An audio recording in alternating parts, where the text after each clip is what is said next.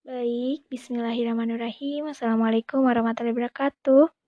Hai, saya Syifa Nur eh, kelas BKI 6A.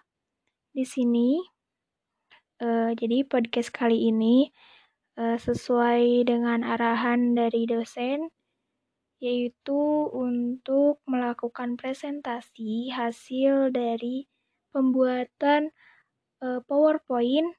Nah, di sini eh, sesuai dengan profesi yang diminati. Nah, di sini berhubung saya bermin meminati profesi sebagai guru, maka eh, penyuluhan tentang COVID-19 ini akan saya peragakan layak selayaknya saya sebagai guru.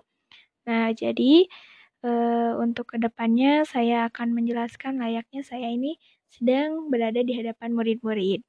Oke, baik. Stay tune.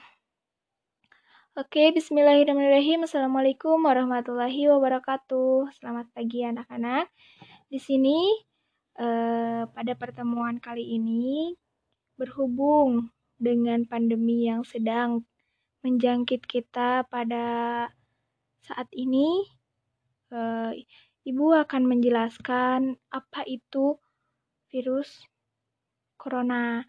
Nah, di sini judulnya tetap cerdas hadapi virus corona. Kenapa harus begitu? Karena kita sebagai pelajar tentunya harus menyikapi selayaknya kita adalah pelajar.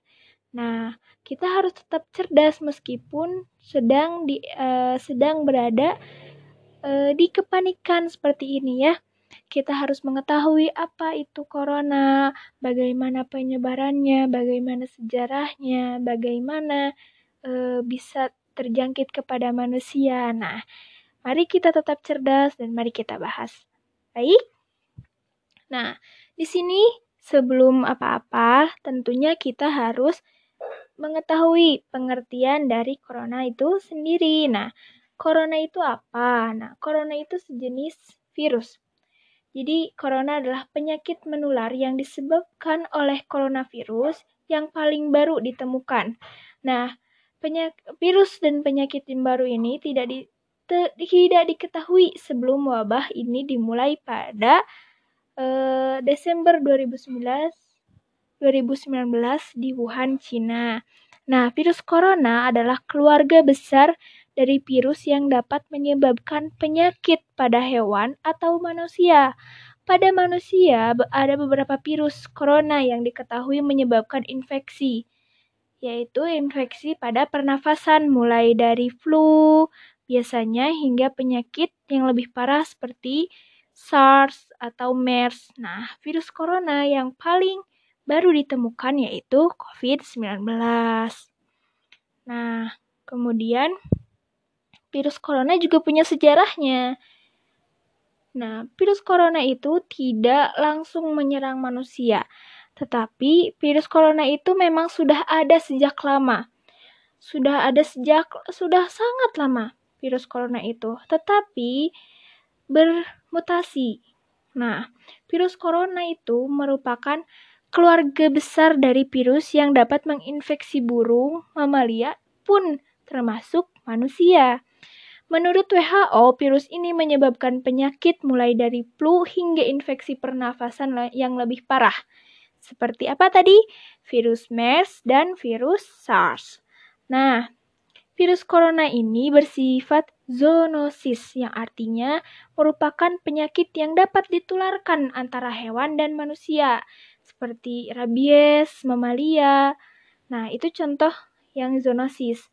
Nah, begitupun juga dengan MERS yang ditularkan oleh unta ke manusia. Begitupun dengan corona. Nah, jadi selama 70 tahun terakhir itu para ilmuwan telah menemukan bahwa virus corona dapat menginfeksi tikus, anjing, kucing, kalkun, kuda, babi, dan juga hewan-hewan ternak. Nah, nah makanya kenapa virus corona itu bisa menjangkit manusia? Karena pada awalnya virus corona menyerang hewan termasuk hewan ternak. Nah, hewan ternak yang kita makan uh, uh, dan memiliki uh, dan terjangkit oleh virus ini, nah makanya virus itu bisa masuk ke manusia pada awalnya. Nah, virus corona yang terbaru yaitu virus COVID-19. Nah, virus ini munculnya pada Desember 2019 di Wuhan, Cina. Nah, menurut berita yang beredar, virus ini tersebar dikarenakan uh, lab dari penelitian di virus corona ini karena virus corona ini terus diteliti dan ternyata lab dari uh, yang meneliti virus ini dekat dengan pasar di Wuhan, Cina yaitu pasar ikan sehingga virusnya tercemar ke pasar ikan tersebut.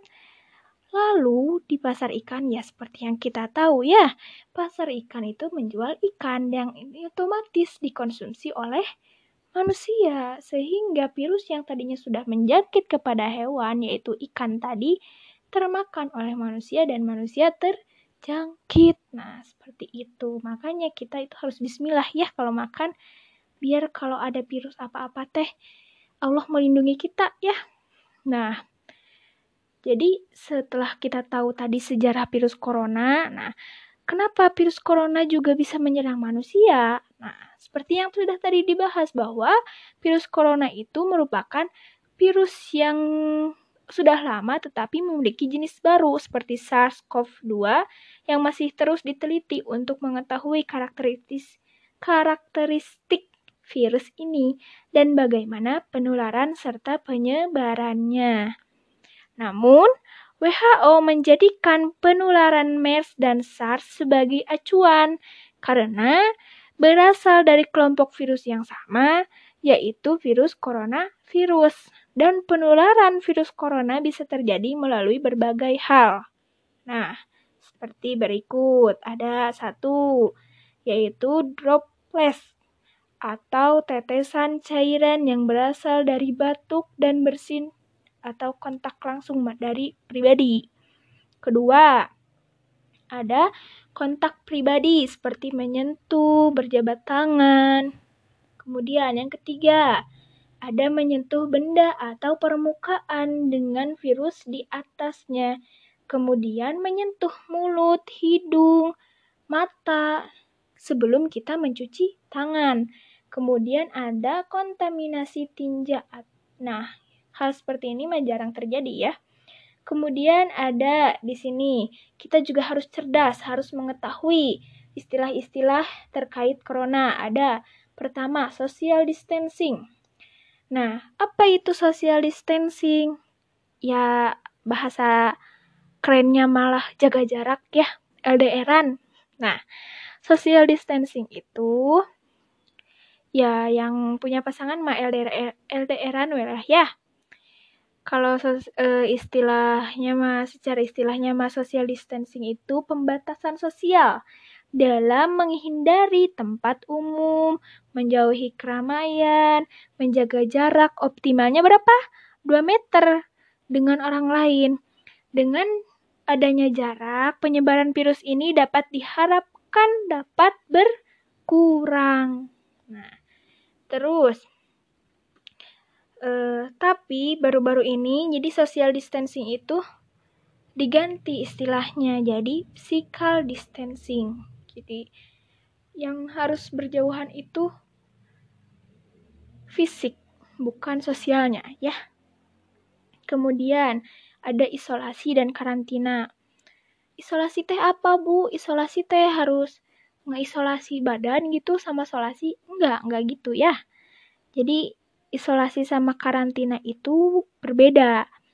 Yang pertama isolasi. Isolasi itu apa? Isolasi itu memisahkan orang yang sudah sakit dengan orang yang tidak sakit untuk mencegah penyebaran. Sedangkan uh, Sedangkan uh, karantina ini sesuai dengan arahan dari dosen. Kalau karantina apa? Nah, karantina itu memisahkan dan membatasi kegiatan orang yang sudah terpapar virus corona namun belum menunjukkan gejala. Kemudian ada lockdown. Nah, lockdown itu apa, Bu? Lockdown yaitu karantina wilayah. Jadi setelah kita mengkarantina diri, ada juga lockdown. Nah, kalau karantina diri itu kita mengurung, eh, membatasi diri kita di rumah. Kalau lockdown itu secara daerah. Eh, kemudian ada flattening the curve, yaitu pelandaian kurva. Jadi supaya kita tuh tahu gitu eh, dan bisa menemukan cara terbaik untuk uh, membasmi virus ini. Kemudian ada PDP, ada juga ODP. PDP apa? Nah, kalau PDP itu pasien dalam pengawasan, kalau ODP itu orang dalam pemantauan. Bedanya apa? Nah, kalau PDP itu eh, yang sudah rawat jalan, jadi sudah terpapar virus, kemudian sudah dirawat. Kalau orang dalam pemantauan baru dicurigai, masih dicurigai. Kemudian ada herd immunity yaitu kekebalan kelompok. Jadi di sini e, secara meluas atau bisa juga terbentuk. Jadi kita harus membentuk kekebalan secara alami pun juga secara skala besar. Kemudian, apa sih ciri-ciri orang terpapar virus corona? Yang pertama, demam hingga 38 derajat kemudian batuk, sesak nafas. Nah, itu ciri-cirinya. Terus gimana Bu cara e, supaya mencegahnya?